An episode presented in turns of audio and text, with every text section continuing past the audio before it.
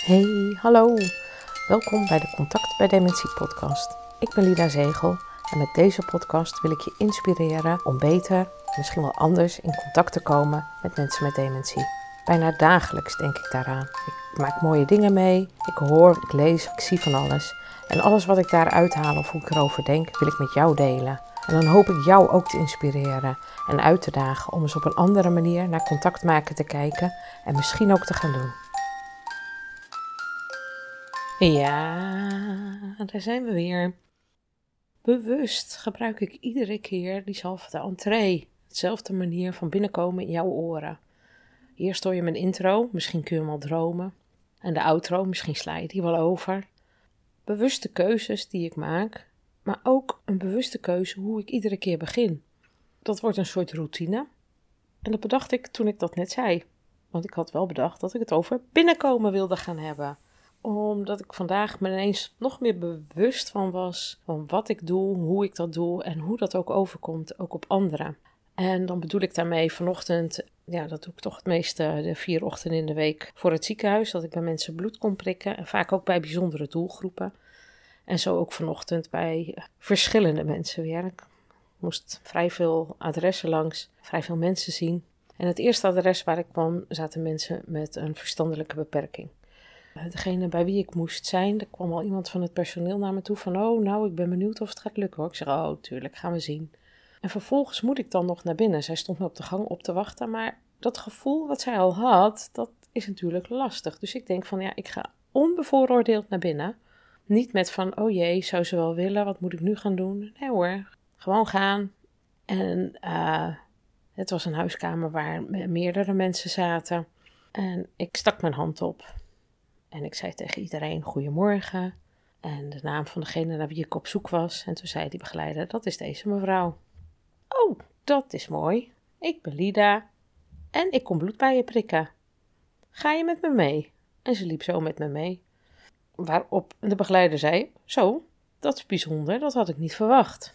Nou prik ik vaker bij een doelgroep als deze. En je zou denken van, hé, hey, hallo Lida, um, het gaat over contact bij dementie. En waarom heb je het nu over mensen met een verstandelijke beperking? Ja, omdat ik denk dat dit allemaal mensen zijn waarvan de hersenen haperen.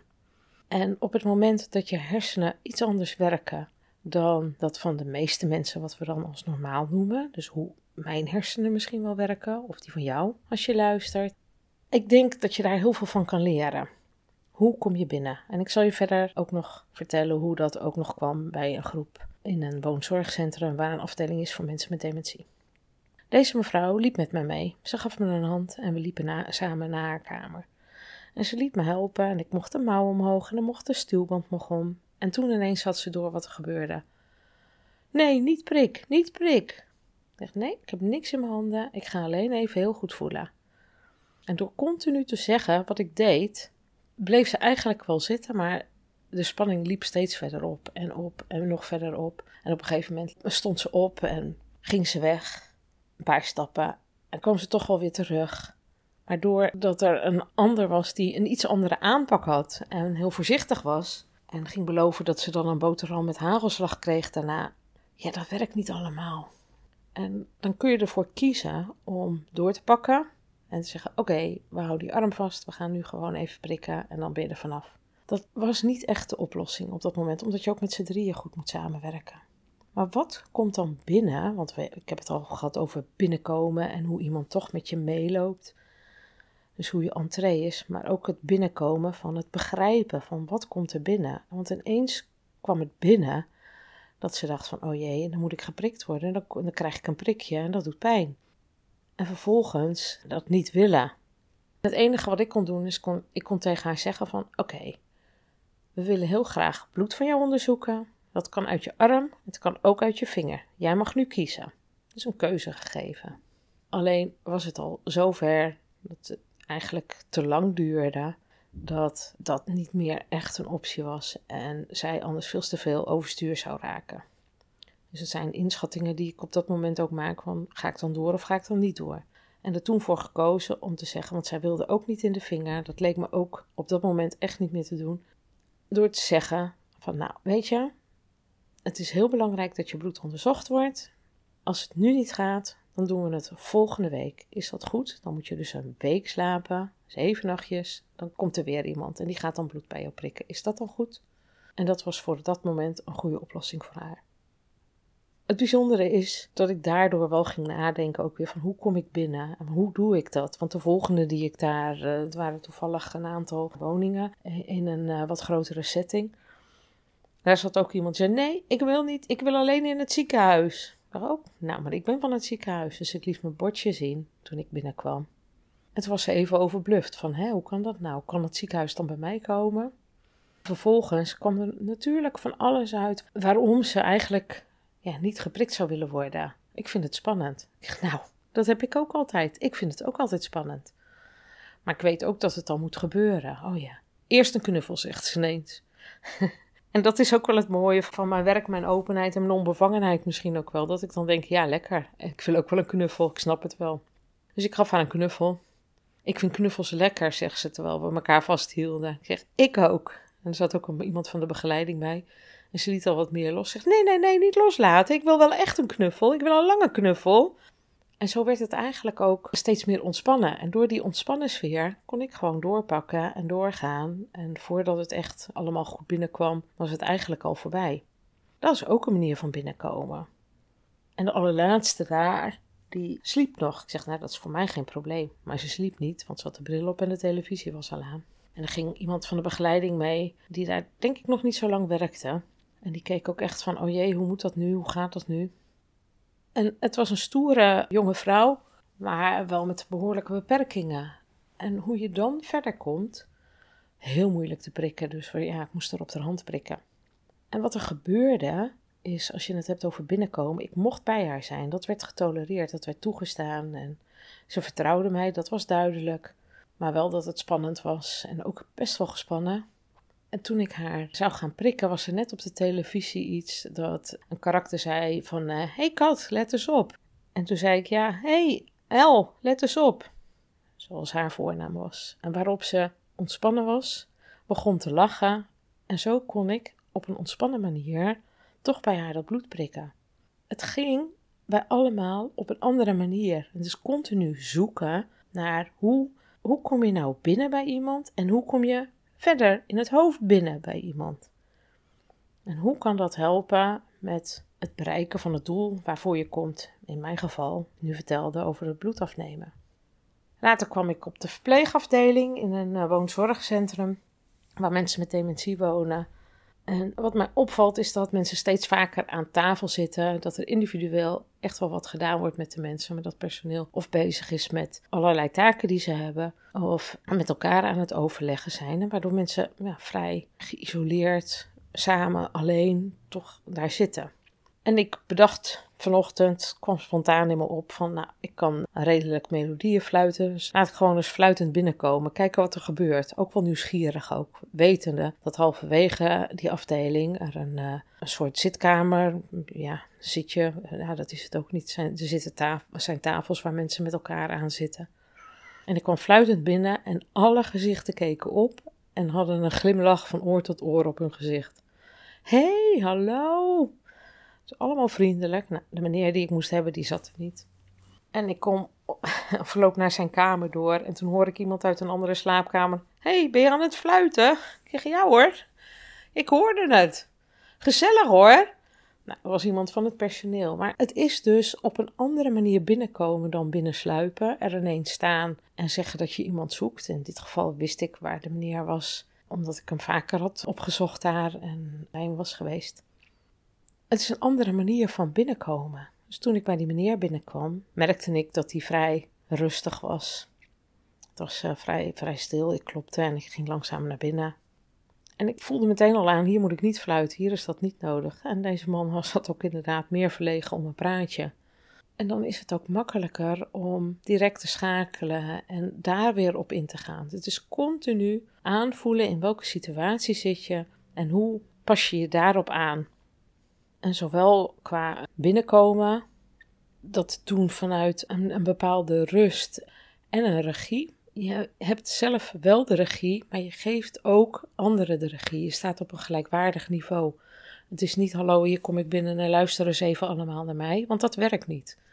En waarom zeg ik dit allemaal? Omdat dat voor jou ook belangrijk kan zijn.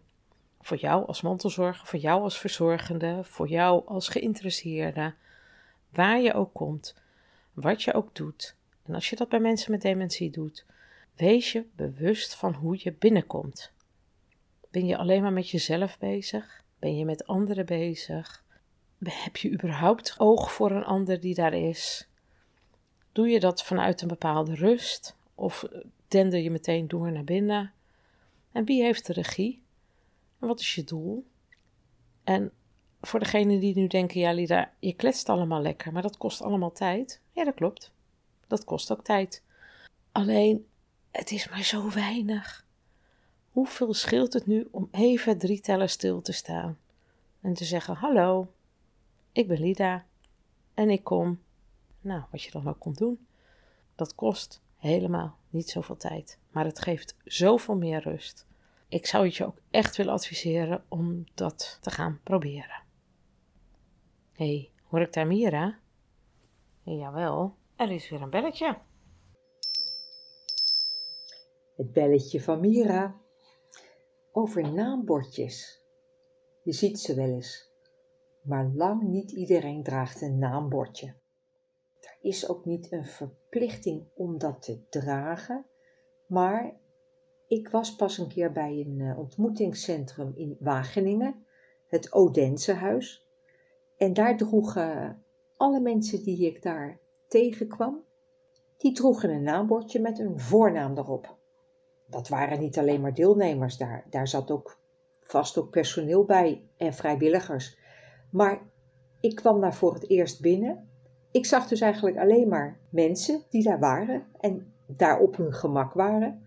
En ik kon hun naam gewoon allemaal makkelijk lezen. En dat spreekt makkelijk aan. Ik was er voor het eerst en dan heb je het over een ingang.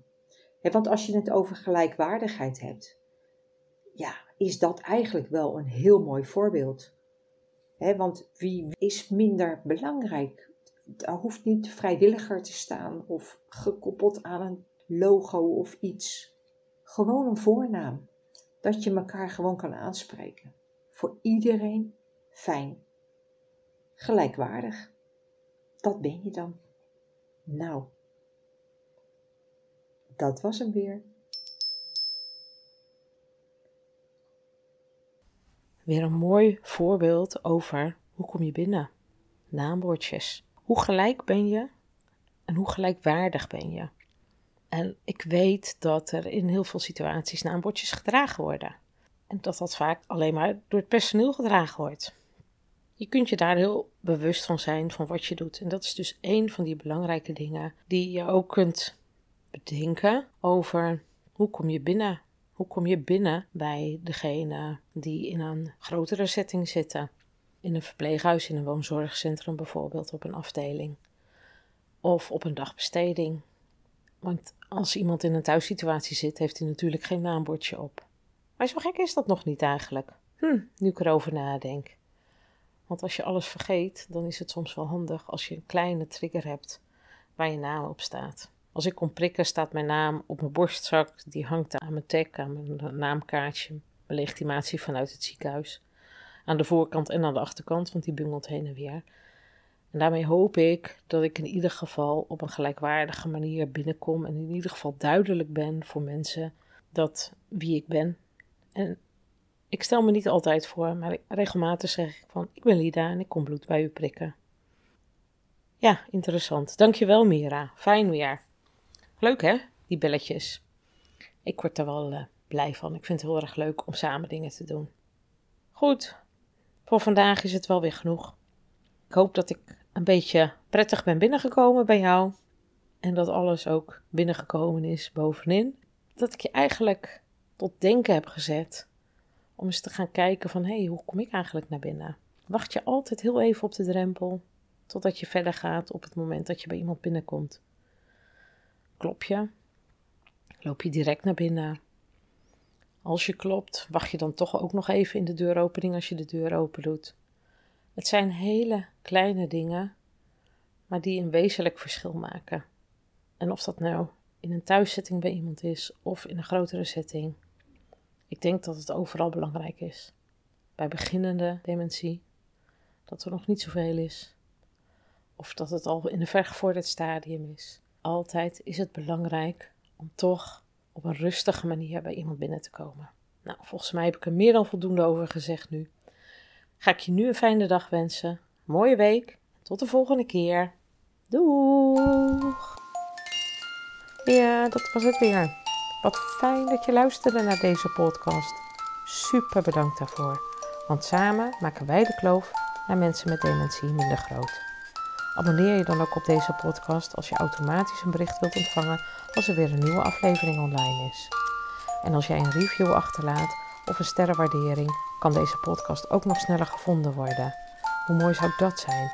En het zou nog fijner zijn als jij jouw positieve ervaringen wil delen op een van je socials, bijvoorbeeld met een schermafbeelding. Je kan het altijd doorvertellen natuurlijk. Nog makkelijker. En wil je mij persoonlijk benaderen? Dat kan via mijn Facebook of Instagram pagina van Maatcontact of per mail lida.maatcontact.nl Nogmaals, super bedankt voor het luisteren en heel graag tot de volgende keer.